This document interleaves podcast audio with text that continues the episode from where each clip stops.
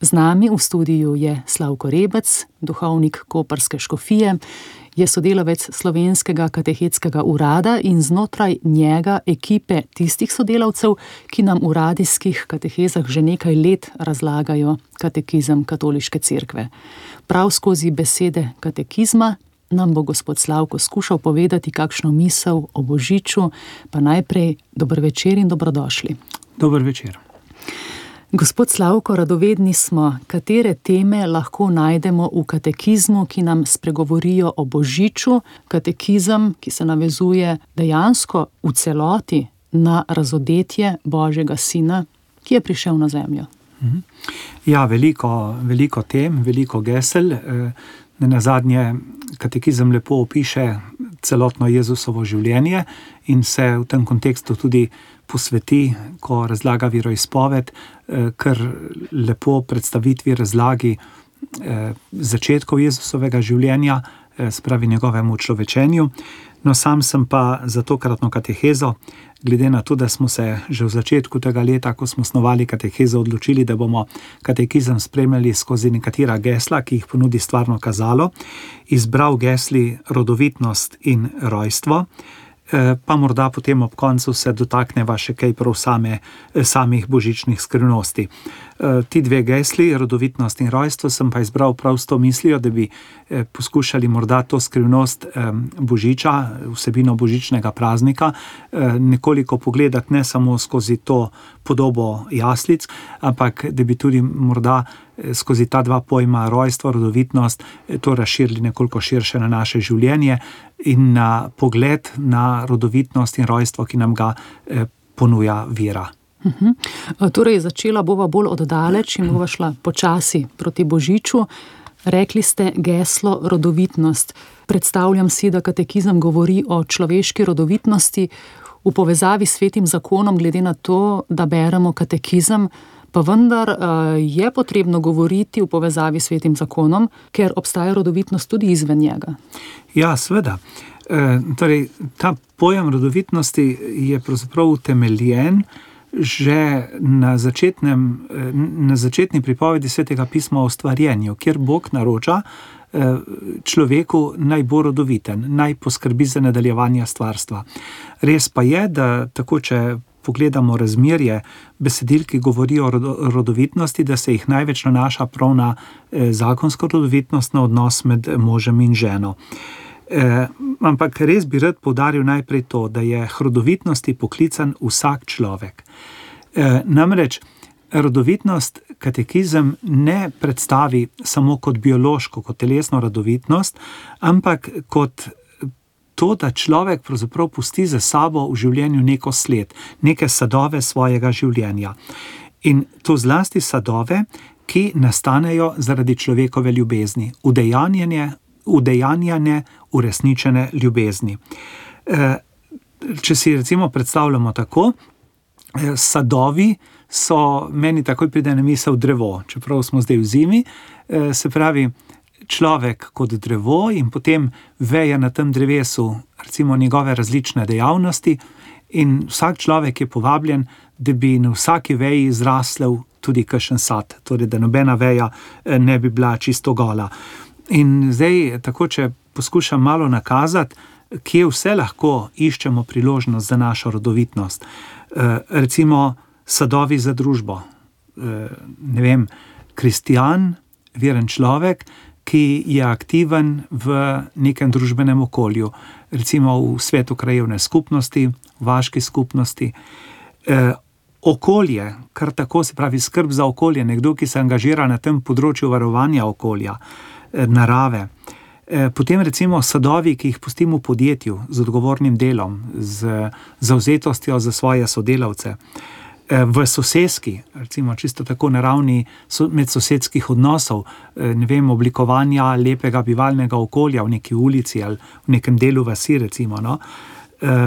Dejansko vsi ti vidiki, pa naše, naše udejstvovanje, naše življenje na vseh teh področjih, moramo razumeti kot človekovo rodovitnost. In če vsa ta rodovitnost izvira iz ljubezni, je pa seveda potem logično, da mož in žena takoj stopita v spredje kot tista dva, ki pa res rodovitnost uresniči ta najbolj. Zakaj? Eh, ne samo zato, ker se iz odnosa med možem in ženo rodi otrok, otroško življenje in gre na ta način tudi za nadaljevanje stvarstva, ampak tudi zato, ker mož in žena, ko se združita v svoji ljubezni, postaneta pravzaprav podoba absolutne božje ljubezni. Eh, ali, kot je rečeno v eni od papeževih spodbud, mislim, da veselje evangelija, postaneta pravzaprav slika, ikona, podoba božje ljubezni in eh, njena, njuna ljubezen eh, postane potem res ro, otipljivo rodovitna v tem, ko rodita otroka. Eh, in ko mož in žena predajata življenje naprej, pravi, ko rojevata otroke, dejansko kot zakonca, pravzaprav ne samo sta podoba Boga, ampak tudi sodelujeta pri stvarnikovem življenju. Zato je ta rodovitnost, bi lahko rekli, njuna rodovitnost najbolj izpostavljena ali pa najbolj cenjena, ne najbolj cenjena, predstavljena kot najbolj plemenita, recimo tako, prav zaradi tega približevanja božjemu stvariteljskemu delovanju. Prav v zvezi s to rodovitno, biološko, pa, ja, biološko rodovitnost, oziroma rodovitnostjo zakoncev, pa se mi zdi vredno poudariti še to. Katekizem lepo eh, opredeli, lepo razloži, da se z rojstvom otrok rodovitnost ne izčrpa. Namreč eh, podariti otroku človeško življenje je pravzaprav eh, en del rodovitnosti, to je biološki. Ampak potem gre pa tudi za to, da starša postaneta rodovitna tudi, ko otroku podarjata in v njem oblikujeta duhovno in nadnaravno življenje, ko ga vzgajata v tej njegovi eh, kreposti duše eh, in ko eh, mu tudi pomagata, da oblikuje svoj odnos do Boga. Spravi, tudi tukaj se pokaže rodovitnost staršev. Ne samo, da biološko poskrbita za življenje in s tem za nadaljevanje stvarstva, ampak tudi, ko otroka oblikujeta duševno in duhovno. Uh mhm. Gospod Slavko Rebec, ob teh vaših besedah se po eni strani veselim z vsemi tistimi, ki nocoj občutijo hvaležnost za rodovitnost svojega življenja, ne smeva pa mimo tistih, ki nocoj svoje življenje vidijo kot drevo brez sadežev, pa naj bodo to zakonci, ki še niso dočakali otroka, ali družinski člani, ki so se razšli, ljudje, ki jim v življenju ne uspeva, so doživeli poraz. Mhm. Ja, tudi sam zelo mislim na te ljudi in zelo za res, oziroma z enim takim občutkom sočutja, eh, sprejemam poročila, novice, misli o tem, kako so božični prazniki lahko lepi in res blagoslovljeni za tiste, ki jih moramo preživeti v enem okolju ljubečih oseb in tudi v enem takem mirnem odnosu do Boga in kako je lahko nocojšnji večer pravzaprav težak ali pa grenak za tiste ljudi, ki takega okolja nimajo ali pa ko čutijo neko britkost svojega življenja zelo močno. No? Zdaj, recimo, če grem malo skozi presek ljudi, ki lahko tako doživljajo bolj zgrenkobo, recimo ena misel na tiste zakonce, ki še niste obdarjeni z otroci. Ali pa morda kakšen zakonski partner tako z otožnimi očmi pogleda v jaslice ob spoznanju, da ne še ni, ampak da sploh ne bo v svojem življenju obdarjen z otroci.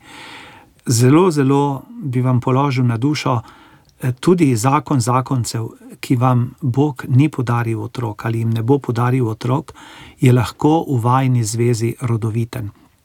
In sicer sadovi, rodovitnost vajnega zakona, vajne ljubezni, se kaže pravzaprav v tem, kar vidva dasta drug drugemu. Najprej v tem. Spravi, vidva eh, pomenita pravzaprav izpolnitev življenja drug drugemu. In to je izhodišče, to je temelj. S tem, ko imata drug drugega res rada, ko se podarjata drug drugemu, sta že tisto, kar sem prej omenil, ikona božje ljubezni. Torej, ne, ikona božje ljubezni ni starša in otrok, ampak zakonca, mož in žena v medsebojnem podarjanju. In nekako vas povabim, oziroma vas nekako ohrabrim za pot naprej skozi vaše življenje, z mislijo na veliko pripovedi, ki jih poznam o zakonskih parih, ki jim bili, niso bili podarjeni otroci, pa so potem svojo ljubezen do otrok izživeli in zaživeli v eni taki dobrohotni naklonjenosti, prej morda do kakšnih nečakov, nečakin, ali pa do otrok v kakšnem društvu, do pozabljenih otrok, no, nekateri tudi v odločitvi za posvojitev otroka. E, to sicer e, ne, v takem primeru potem ne moremo govoriti o tej neposrednji biološki rodovitnosti, ampak tako kot sem prej omenil, se rodovitnost zakonca ne izčrpa samo v podaritvi biološkega življenja, ampak ko recimo dva zakonca, ki sicer nista rodila svojih otrok, delata dobro za druge otroke in jim recimo pomagata pri njihovem dušnem razvoju, jih oblikujeta kot duhovna bitja in pomagata pri odkrivanju Boga in Božje dobrote, na ta način postajata tudi rodovitna. In vem, da torej ne, ne morem mimo tega, da seveda to lahko zaskeli, ampak na drugi strani bi vas pa res rad opogumil in sem prepričan, da večina tistih, ki ste v taki situaciji, zakonci, eh, gotovo ob enem pogledu v svoje življenje lahko najdete tudi marsikšen tak trenutek, ko dejansko rečete: Glej, v eni osebi, v enem človeku, morda tudi prav v enem otroku, pa sem pustil neko sletinje, malček, tudi delček eh, mojega prizadevanja. No? Potem razmišljam, ali pa če gre moja misel k tistim, ki morda čutijo. Čutite, dragi poslušalci, kakšno tako življenjsko razočaranje ali pa neuspeh. Eh, ne vem, ob letošnjih spovedih, zdaj pred Božičem, sem večkrat v teh spovednih pogovorih tudi doživel nekaj pripovedi o takih razočaranih neuspehih, ko ima človek občutek, da se vse nekako podira ali pa da, da se ne gradi tako, kot je nekako zastavil. Um, jaz vedno v teh pogovorih poskušam prebuditi eh, spomin na človeka, ki ste mu pa le naredili nekaj dobrega, nekaj pozitivnega. Zdaj, ljudje smo sicer tako navajeni, da vedno, če se nam prav tiste naše želje, naši načrti ne uresničijo, da potem zelo doživimo eno tako razočaranje. Ma hm, se mi zdi, čeprav to zdaj rečem najprej sebi, da je morda to potem malček tudi vprašanje naše vere. Ker um, ko jaz postavljam ene načrte, kaj če se zdaj ta načrt ne uresniči, kaj če Bog eh, pripelje v moje življenje ne drugačne situacije. Zdaj, če sem jaz samo razočaran zaradi tistega, kar se je meni podrlo, pa ne pogledam na to, kaj pa je vendar bilo tudi dobrega in uspešnega od tistega, kar morda sploh nisem načrtoval, potem seveda ostane samo prostor za eno razočaranje. Če pa pogledamo okrog, pa vidim, da je tudi nekaj pozitivnega, bi lahko rekel, če z enim takim optimističnim, pa ne samo človeško optimističnim, ampak tudi versko optimističnim pogledom, ko zaupam, da Bog dopušča, da se tako dogaja v mojem življenju, torej po eni strani neuspeh na mojih načrtih, po drugi strani pa nekaj. Kar se vendarle lepega zgodi, je posledica mojega prizadevanja, potem se mi zdi, da lahko rečem, le Bog, hvala ti. Ni šlo sicer čisto tako, kot sem si zamislil, ampak vendar te iskrice, te, te, te drobtinice eh, mojih sadov, pa le lahko jih vidim. No? Ne vem, recimo. Če bi spet poskušal dati eno tako primer, mi si veliko krat predstavljamo, gremo pobirati jabolka, ne, in zdaj tako je en velik, poln zaboj takih smejočih se jabolk, skoraj ne. V redu, če tega ni v mojem življenju, se potem lahko razveselim tudi ene košarice eh, takih malo manj uglednih, pa na zunaj sijočih jabolk, eh, ki pa vendarle vidim, da so dobra, da so eni sadovi mojega življenja. No? In rejte, če bom morda šel še zdaj tretjo stopničko naprej. Eh, domnevam pa, da lahko tudi reče, ja, ali pa si zdaj misli, ko ste me poslušali, ti kar govori, ampak v mojem življenju je sama tam, v mojem življenju res ni nobenega, nobenega sadu. Ja, sprejmem tudi to možnost in verjamem, da se kdo med poslušalci tudi tako lahko počuti. E, lete, tukaj bi pa vsem, ki se morda tako počutite, rad priklical spomin eno evangelsko podobo in sicer tisto Jezusovo pripoved o smokvi, e, ki ni rodila. E, Jezus pripoveduje, kako je šel e, vrtnar, oziroma gospodar Novinograda in, in vrtov pogleda drevesa in je videl eno smokvo, ki ni imela nobenega sadu. In je svojemu vrtnarju eh, naročil naj jo poseka. In ta vrtnar pravi: Gospod, pusti jo še letos okopljem, pognojim, morda bo rodila sad, da jo posekamo, je še zmerom čas, jo boš pa drugo leto. E, torej, dej, deva možno še za eno sezono. In gospodar vrtnarju to dovoli. Zdaj, rad bi poudaril, vrtnar je tukaj pravzaprav Jezus. Uh, Jezus je tisti vrtnar, ki tudi če mene zaloti kot drevo, res brez vsakega sadu, zaloti, najde kot drevo brez vsakega sadu, je me pripravljen še enkrat pognojiti, okopati, obrezati, torej mi dati še eno sezono možnost. E, tako da, e, če je bilo morda to leto, ko gledamo nazaj, ali pa zdaj eno tako življenjsko obdobje, tudi ko se res počutimo tako, kot smo kva brez sadov, če mi malček obupujemo nad seboj kot nebogljeni ljudje nebeški vrtnar, Jezus, Bog, ne obupa nad nami in mi daje še eno možnost. Tako da, pravzaprav, v takem primeru bi rekel, se malo ukoreniniti, še bolj, eh, morda globlje korenine stegniti, da pride več življenjskih sokov, morda malo poglobiti vero. Poiskati ljudi okrog sebe, s katerimi se povežem, ki mi pomagajo, morda še drugače pogledati na življenje, in znova začeti. Eh, in morda bo potem upam, da bo potem prihodnji božič tak, da se bom lahko razveselil vsaj kakšnega saduna. Uh -huh. uh, gospod Slavko Rebec, če se vrnemo na uh, vprašanje nezmožnosti imeti otroka. To seveda ni zdravstvena oddaja. Tako slišim, da kar nekaj parov ne more zanositi, pa bi radi zanosili. Tako lahko je to tudi ekološko vprašanje, ker res je vprašanje zakaj se to zdaj tako pogosto dogaja, ali zaradi vsebnosti raznih kontracepcijskih sredstev v podtalnici ali še česa drugega. Me zanima, kakšno bi bilo potem božje sporočilo v tem času, kakšno držo naj tej zakonci zauzamejo, morda ni njihova krivda, da je tako. Ja, torej, prav njih takih bioloških razlogov premalo poznam. Vse tako mimo grede, kaj preberem, no, ampak eh, priznam, da se zakaj je zdaj toliko neplodnosti v zakonih, ja, da se s tem vprašanjem ne ukvarjam in bi raje tega ne razlagal, ker se mi zdi, da bi bil površen in paušalen. No. Ja, jaz mislim, kljub vsemu, no, in pri tem izhajam iz eh, dejansko pogovorov z kar mnogimi zakonci, to pa lahko rečem, da je pravzaprav odgovor vedno treba iskati. Eh, v zakonu, v njunem odnosu, najprej tam. Najprej tam. To še toliko bolj potrdim tudi zaradi tega, ker vidim en problem pri tistih, ki otroke imajo. Namreč ta problem, da morda marsikdaj v odnos med možem in ženo, v zakon ali pa tudi ko zakona še ni sklenjenega, že pride otroško življenje. In potem ta mož in žena kar naenkrat prevzameta vlogo staršev, očeta in matere. Ampak za moje pojme se vloga moža in očeta, pa mame in žene, ne pokrivata. Ker mož in žena si v odnosu do svoje žene moža, mama, oče si pa v odnosu do svojega otroka, do svojih otrok. In temelj družine je vedno odnos med možem in ženo mož bo zapustil očeta in mater in bo se, se pridružil svoji ženi, da bosta eno telo.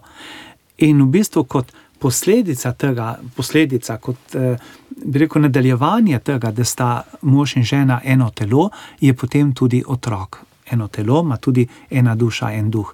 Tako da jaz mislim, da dejansko se obrniti še bolj eden k drugemu in potem oba skupaj k Bogu kolikor verujete, se poglobiti in potem morda skupaj, dejansko tudi v enem takem pogovarjanju, glede na svoje talente, na svoje zmožnosti, ki jih imata, poskusiti poiskati, kje pa se mi dva lahko uresničiva in kje lahko to svojo energijo, ki jo nekako šparava in imava namenjeno temu, da bi jo predala v vzgoju otrok, porabva in te svoje človeške vrline porabva in, in, in s tem uresničva potem eh, nekaj dobrega v tem svetu, no? v to smer. Eh, pa gotovo. Ne pa krivda, ker ste omenili krivdo, ne iskati krivde, ne se spravljati eden na drugega, ti si kriv. Včasih je, kolikor mi je znano, tako da sploh ni jasno, zakaj ni zanositve. Včasih se seveda lahko biološki razlogi pojavijo na strani moškega ali ženske, Eh, ne, torej sprejmita drug drugega tudi s kakšno boleznijo, s, kakšno, eh, s kakšnim zdravstvenim problemom, ki recimo preprečuje zanositev. In se imejta rada tudi v tej svoji šibkosti. Jaz mislim, da je to potem ena odskočna deska za vajen krepek odnos. In eh, tako kot velja za tiste zakonce, ki imajo otroke, če sta mož in žena, mož in žena, potem jih otroci ne bodo zmaknili. Eh, in, in jo pravzaprav nobena stvar ne bo zmaknila. In tako velja seveda za vsakega moža in ženo. Če sta zares vidva med sabo povezana v ljubezni, eh, če se začutita in če to svojo ves izročata tudi Bogu, potem tudi ta britkost, recimo ne imeti otrok, vaju ne bo zmaknila in vaju ne bo eh, načela vajenega odnosa. No? Ob prejšnji razlagi in teh zadnjih spodbudah razumem, da katekizem katoliške cerkve pojem rodovitnosti ne obravnava samo z vidika biološke rodovitnosti, slutim, da se s tem odpira prostor tudi za razumevanje rodovitnosti Device Marije. Ja, e, prav to, kar sem prej omenjal, se pravi rodovitnost ne samo um, na biološki ravni, ampak tudi duševni in duhovni. Eh, tukaj dejansko potem lahko povežemo ta pojem tudi z rodovitnostjo, z marino rodovitnostjo, in tukaj že potem prihajava tudi bliže eh, samemu božiču in skrivnosti božiča. Duševna, duhovna plat življenja eh, nista samo biološki, sta pa seveda z njo povezani. Ne? In prav preseganje samo tega biološkega pogleda na rodovitnost nam se mi zdi, zdaj recimo tudi v tem večeru, pa v teh dneh, ki jih bomo zdaj doživeli, lahko pomaga razumeti marino rodovitnost. Razmišljam, da je pravzaprav pri Devici Mariji in njenem rojstvu Jezusa Kristusa ena taka kombinacija biološke rodovitnosti in posega Boga Svetega Duha. Spravi, Marija rodi Jezusa kot otroka, tako kot vsaka mama na tej zemlji, ampak na drugi strani je pa spočetje Jezusa zelo zaznamovano z enim božjim posegom, posegom svetega duha v Marino življenje. Eh, katekizem katoliške cerkve pravi tako zanimiv, bi rekel, skoraj meditativni stavek, da je sveti duh eh, posvetil Marino telo in ga naredil rodovitnega po božje. Ta besedna zveza mi je zanimiva naredil rodovitnega po božje. E, in tukaj pa zdaj že vidimo, da se to lahko dogaja tudi v našem življenju, tudi ob tem, kar smo prej razlagali. Spravi, mi največkrat razumemo rodovitnost samo po človeško, po naše, z našimi načrti, Bog pa nam včasih predlaga rodovitnost tudi po božje, po svoje. In prav v tem kontekstu, eh, spravi, rodovitnosti ne samo biološke, ampak tudi te duhovne rodovitnosti, se pravi podarjanje duhovnega življenja, lahko se, ta, ta vidik se dobro pokaže, ko Marija. Eh, je Marija pod križem in rečemo v tem krščanskem izročilu, da je Marija pod križem postala mati nas vseh, vseh Jezusovih učencev. Eh, v čem? Eh, se pravi, zdaj, če gremo malček skozi Marino življenje. Marija najprej sprejme Boga s tem, ko ga spočne, potem ga nosi v sebi, potem hodi za svojim sinom po njegovi poti, posluša in premišljuje Božjo besedo in pod križem sprejme tudi njegovo trpljenje. To bi pa lahko rekli, da so pravzaprav koraki Jezusovega učenca. Spravi, sprejeti Boga, res verovati, se odpreti veri, nositi v sebi Boga, se pravi, čutiti in tudi po zakramentih dobimo to božje življenje vase, potem hoditi za njim po poti, ko poslušam, prebiram evangelij, ko se odpiram božji besedi in v svojem življenju hodim po Jezusovi poti, poslušam, premišljujem ob tem božjo besedo in potem, ja, končni korak, sicer. Težek in naporen, vedno, kadar nas v življenju doleti, ampak tudi sprejeti križ uh, in na ta način sodeležiti pri Jezusovem trpljenju. To je nekako naloga, to je pot, to je tak ideal, če bi tako rekel, eh, Jezusovega učenca. In eh, podobno dodam še to misel ob Devici Mariji, ki je tudi v katekizmu razvita. Katekizem rabi izraz, da je tudi crkva rodovitna. E, torej, ta, ta vidik je morda še bolj zanimiv, ne, za, kaj, kako ja, skupnost Jezusovih učencev, crkva, poraja nove učence. To se zgodi takrat, ko crkva, občestvo, skupnost Jezusovih učencev naredi to isto, kar je naredila Marija in kar naredi vsak učenec posebej. Ko se res tudi kot občestvo odpremo Jezusu, ga sprememo medse, hodimo za njim v skupnem razločevanju, ne na zadnje nas k temu vabi zdaj tudi ta sinodalna pot, eh, po kateri stopamo eh, v zadnjem letu. Eh, in potem tudi kot občestvo včasih pridemo do trenutka križa in do te razpetosti na križ ob trpljenju kakšnega uda ali ne vem nečesa, kar se nam v občestvu zgodi. In v tem smislu potem iz tega takega življenja lahko poraja crkva tudi nove otroke, se pravi, eh, nove Jezusove učence, nove ljudi, ki se bodo odprli Božjemu življenju. Eh, naša, torej, lahko bi rekli tako v povzetku, da za našo rodovitnost velja, da izhaja iz Boga, iz njegove besede in je odvisna od naše življenjske povezanosti z Jezusom. Torej, to velja še zlasti takrat, ko ne govorimo o tej neposredni biološki rodovitnosti. Ampak zanimivo da katekizem to, da rodovitnost človeka izhaja iz Boga in iz sprejetja njegove besede in iz življenjske povezanosti z Jezusom Kristusom, nekoliko povezuje celo z posredovanjem življenja, torej tudi z biološko rodovitnostjo.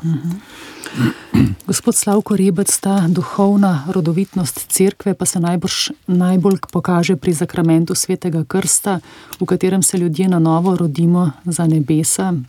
Sveti krst ste že omenjali. Um, zanimivo je, da v današnjem času seveda tudi število krščenih upada, pa vendar se zdi, da je ravno ta temeljna duhovnost krsta in rodovitnosti, ki izhaja iz božjega učlovečenja, temeljni motiv, da se starši odločimo za krst svojih otrok, uh, zato ker res nekako usmišlja življenje prav v vsakem trenutku, se mi zdi. Ja, je res. Je res. Število, jaz se pravzaprav niti ne bi najprej zaustavil ob številu. Ja, žal smo tako navajeni, ja, da skozi te sociološke parametre potem presojamo tudi živost crkve, ampak jaz bi rekel, vsak in tudi če je samo en krščen človek v tem letu, se z njim zgodi nekaj velikega. Je prerojen in je njegovo naravno življenje potopljeno v božje življenje in s tem pridobito razsežnost nadnaravnega življenja.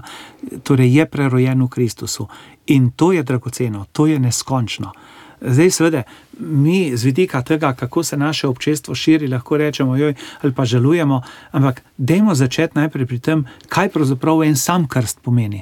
Šele potem iščimo veliko krstov ali pa več krstov.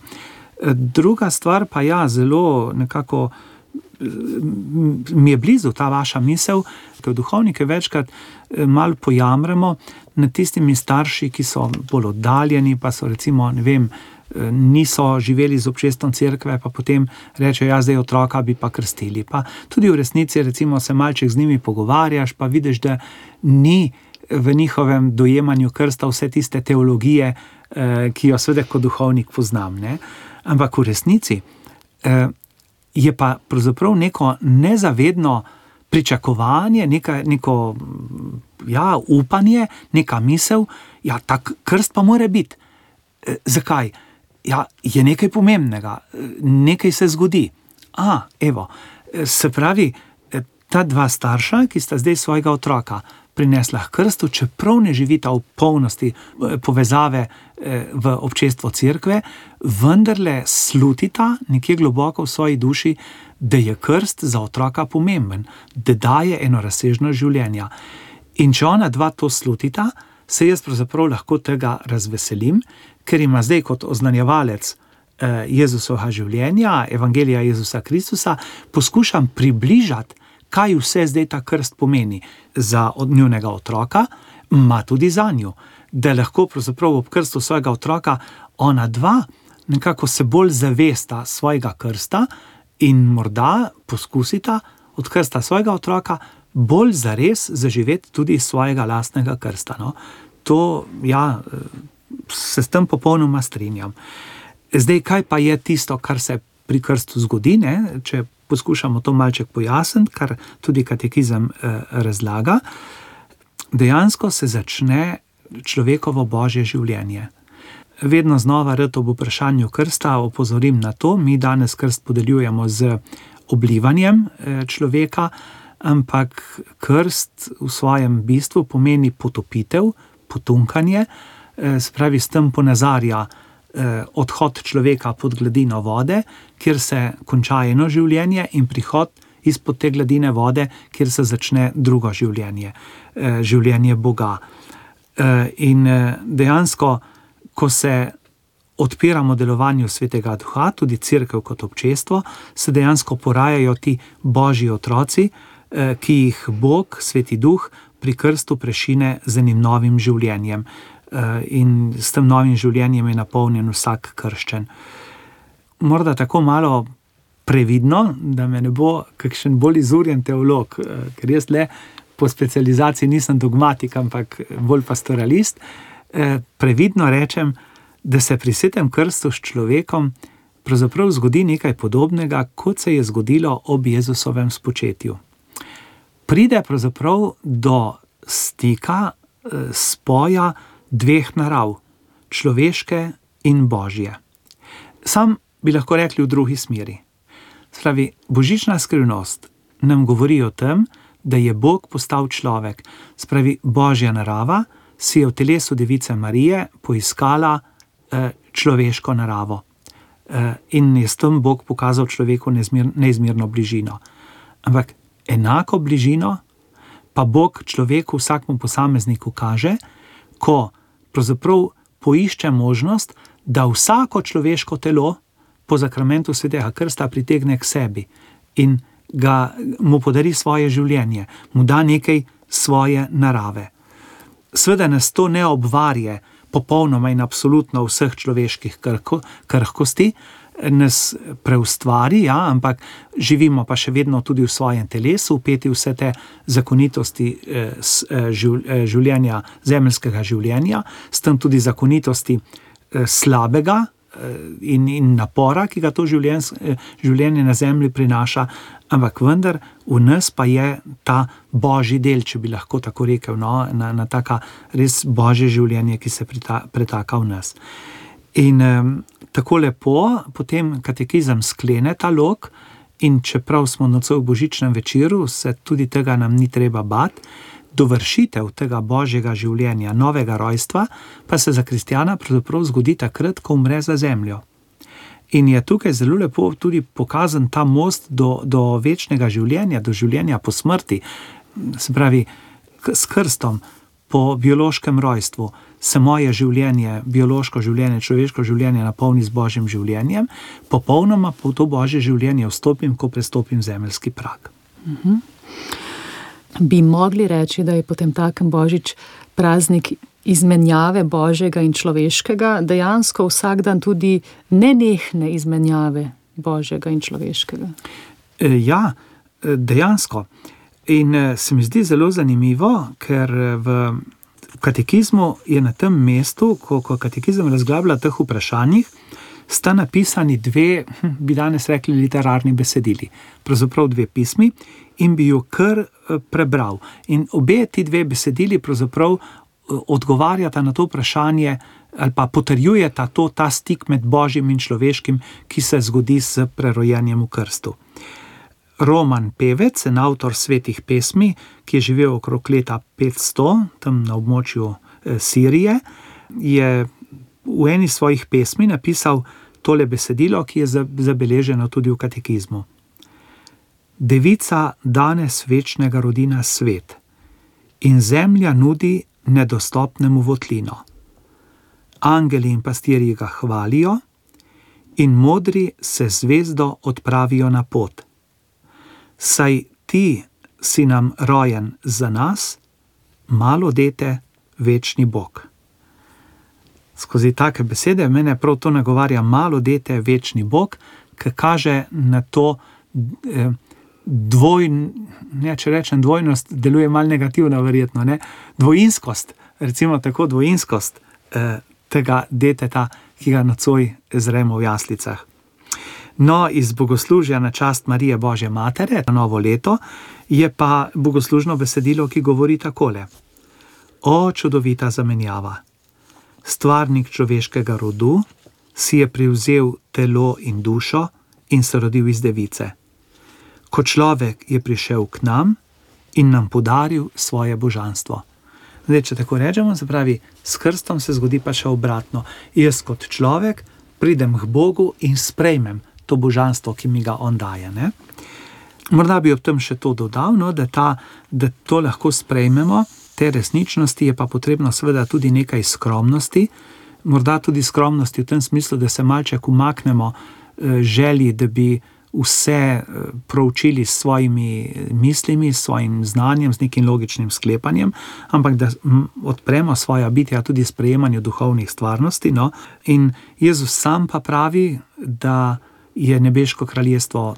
Takih majhnih, se pravi, otroka je postavil v sredo, se pravi, ohraniti to otroško razpoložljivost srca, da se čudi, da sprejema z enim čudenjem te velike stvari, ki se dogajajo, in jih nekako bolj sluti, da jih razume, kakor da jih res razume. Se mi zdi, da je to ena taka pomembna država za razumevanje tudi same božične skrivnosti, konec koncev. Mm -hmm. Gospod Slavko Rebec, proti koncu te oddaje, morda poskusiva še nekoliko stopiti v konkretnost Božiča. Kako vidite različne ljudi, ki so se srečali z Jezusom? Običajno poskusimo nekako preslikavati tisti čas z današnjim časom. Pa ne vem, morda boste omenili tudi množico tistih, ki so verjetno bili tudi v času Jezusovega rojstva neverni, nezainteresirani. Ja dejansko, če se malo zamislimo, kakšne vrste ljudi so vse tukaj prišli v stik z Jezusom. To je res tako dobro vprašanje. Recimo najprej njegova starša. Začnimo kar tam, pri tem prizoru, ki ga gledamo v jaslicah. Se pravi, najožja družina. E, tukaj že e, rečem čisto tako, če kje, potem je dejansko prostor za doživljanje te božične skrivnosti v domači družini med najbližjimi. In tukaj bi rekel takole: ena taka naša medsebojna pozornost, ena naklonjenost, ena uh, ja, izrazita želja, da bi bili do tistih najbližjih, s katerimi smo doma, dobri, eh, da bi z njimi tudi delili kakšno svoje izkustvo vire, eh, svoje izkustvo ali pa svojo misel o Božiču. Morda, da bi si doma, uh, tisti, ki smo v družini, povedali, kako doživljamo Boga, kaj mi pomeni vera, kako čutim Boga nocoj v tem trenutku, na božič leta 2022, v vseh teh čudnih okoliščinah, ki nas tako premetavajo sem in tja. Potem pastirji, recimo pastirji, jaz tako če malo zamižim, v pastirjih hitro vidim eh, delavce, torej ta, rekel, skoraj najbolj množični sloj um, ljudi danes. Eh, nimajo veliko, so preprosti, enostavni, pa stvarni ljudje. Stvarni ljudje. Ne razpravljajo veliko, niso naklonjeni ne vem, kakšnemu proučevanju. Ko jim angelo znani veselo novico rečejo, pejte, pejmo pogledat. In potem zapojejo in se razveselijo in povejo, kaj je bilo, in gredo nazaj čuvati črede. Tako spet ena taka, pravzaprav simpatična, eh, simpatična plat vernika, ki ne bo meditiral tri ure, ampak bo povedal svojo molitev, izrazil povezanost z Bogom in se potem vrnil k svojemu vsakdanjemu delu. Pa ne morem reči, da je zato, ker ima manj sreča v Boga ali pa da je eh, vem, od Boga oddaljen. Nasprotno, eh, izraža vero, izraža tudi, svojo povezanost z Jezusom na svoj način.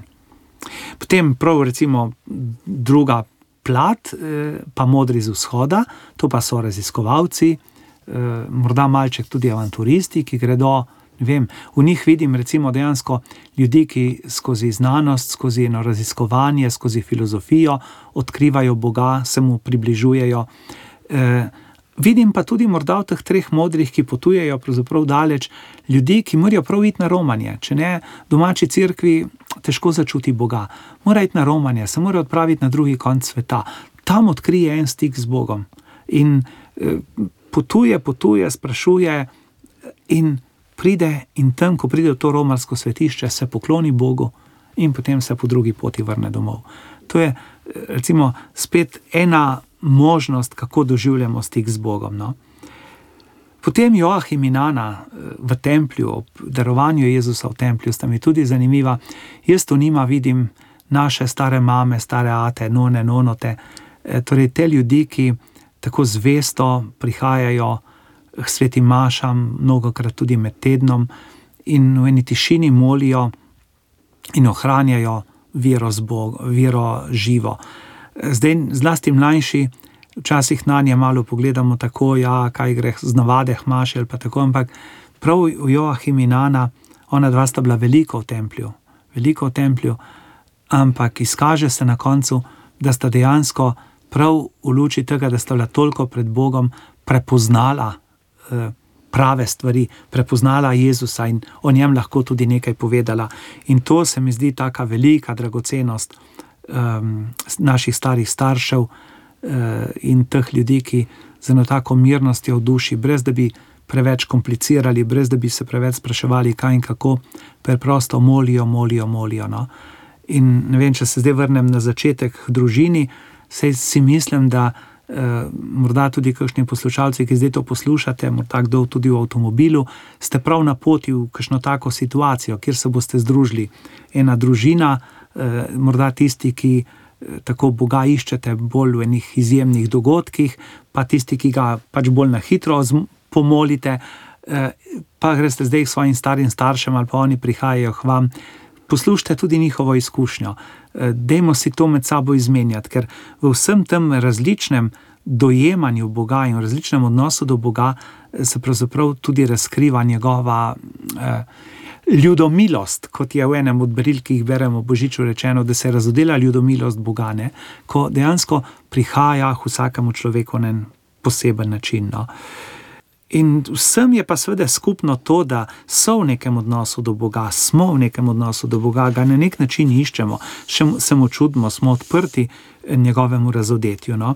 In zdaj, če sprejmem še ta vaš izziv, ko ste rekli, kaj pa te množice, recimo, ki so nekako tako na vides, vsaj bolj ob strani, bolj brezbrižne, ampak jaz spet, morda kot tak skoraj mal pretiran optimist, rečem, pa zdaj, če jim čisto nič ne bi bilo do tega, pa potem tudi ne bi govorili, da bodo praznovali Božič ali pa ne, vem, ne bi zaželeli lepih božičnih praznikov. Spravi, z mirom si mislim, da nekje v globoko v človekovi duši pa vendarle tli nekaj več, eh, kot smo to pripravljeni na prvi pogled drug drugemu priznati. Ne, jaz to sebi nočem toliko priznati, ne, se nekako držim bolj nazaj, ma tudi drugi mi to težko priznajo in me malce gledajo po strani, ampak vendarle se mi zdi, da eh, Bog pa nas nagovarja in morda bi rekel tako, eh, ne bojmo se, ne bojte se. Eh, tudi tisti, ki se morda malo čutite ali pa imate tako bolj zauddaljene, pa zamahnete morda malček z roko, kaj češ to zdaj oznanilo, crkve pa kaj to govorijo. Ampak eh, tisto, kar je v vaši duši, to dejte ven, to dejte se o tem s kom pogovarjati, morda tudi tam večeru, ker se mi zdi, da se potem tukaj lahko izkaže, da smo si pravzaprav veliko bližje oziroma da smo vsi skupaj veliko bližje Bogu, kot se na prvi trenutek, oziroma On tudi nam, kot se na prvi trenutek mm. zdi. V pripravi na to katehezo smo dobili vprašanje poslušalke Marije, ki jo zanima, kako je z datumom Božiča, zakaj je ravno na 25. decembr, oziroma zakaj Jezusovega rojstva ne praznujemo na novo leto, če potem dogodku štejemo leta.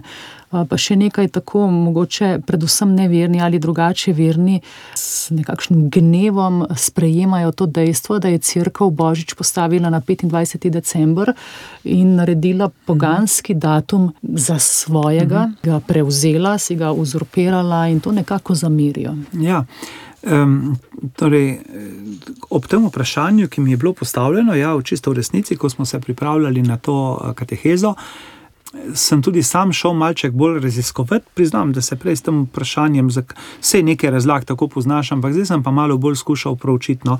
Eh, in dejansko ta odgovor, zakaj je Božič 25. december, ni povsem enostaven. In eh, v bistvu ta teorija, da je to postavljeno na eh, poganski praznik nepremagljivega sonca, ki je kult boga Mitre, ne, je pravzaprav zgolj ena od možnosti.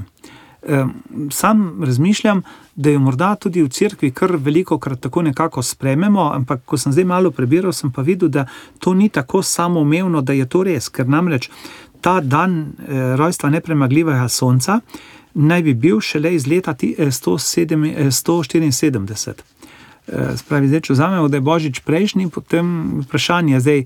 Tako, no? Druga možnost pa je tudi, ja, da je praznik Boga Saturna, to pa je starejši praznik, pa je tudi bilo eno tako večdnevno praznovanje v tem obdobju, ki zdaj po naše pomeni mesec december, in zadnji dan praznovanja bi bil po nekaterih raziskavah 25. december. Torej, to je ena možnost. Ne? Zdaj, zakaj? Če, če se je tako zgodilo, je seveda to do neke mere tudi logično, ne? ker uh, sej, če je v svoji intuitivni vernosti ali pa naravni vernosti se ob tem enako nočju uh, postavil praznik svetlobe, sonca. Ja, jaz verujem v Boga in verujem, da je Bog največje sonce. Ne samo največje sonce, stvarnik tudi tega sonca, ki so ga praznovali, recimo, kot nepremagljivo sonce. Ne? Tako da ne vidim zadrege tukaj. No, se mi zdi, da se nič ne jemlje stvarstvu, če se stvarnika postavi, praznik rojstva stvarnika postavi na, na ta uh, dan. No. Zdaj, še bolj zanimivo je pa to, da uh, ljudje naj bi imeli eno tako duhovno razlago, ko gre za preroke, da so preroki umrli na dan, ko so bili spočeti ali pa morda rojeni. Zdaj, to je ena taka duhovna razlaga. E, in zdaj, glede na to, da že od drugega stoletja naprej velja kot možni datum, predvsem možni datum smrti Jezusa, prav 25. marec, če je to potem povezano, datum smrti. E, tako kot preroka z datumom spočetja, z dnevom spočetja, potem štejemo 9 mesecev, pravzaprav pridemo do 25. decembra. Ne? In e, je dejansko se to po tej plati izide. Zdaj, malo bolj matematike vešči, so pa tudi računali, kdaj je bil Zaharija na vrsti za upravljanje službe kot veliki duhovnik. V šestem mesecu je bila Elizabeta nosečnosti, ko je bil angel Gabriel od Boga poslan v Galilejsko mesto, kde vici izračen iz možena. Spravi se da spet zračunati, če vemo, Eh, da se je oznanjenje zgodilo v šestem mesecu Jezus, eh, Elizabetine nosečnosti.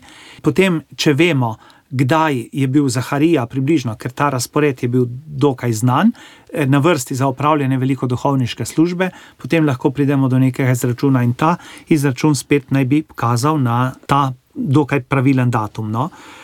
Potem pa seveda zimski solstici, prerogbe, tudi dejstvo o večanju sonca, pravzaprav tudi na tej simbolni ravni je logično, da se rojstvo Jezusa Kristusa, Božjega Sonca, eh, postavi na ta dan, ko se po zimi, po tem dolgem obdobju pričakovanja odrešitve skozi vso staro zavezo, eh, postavi.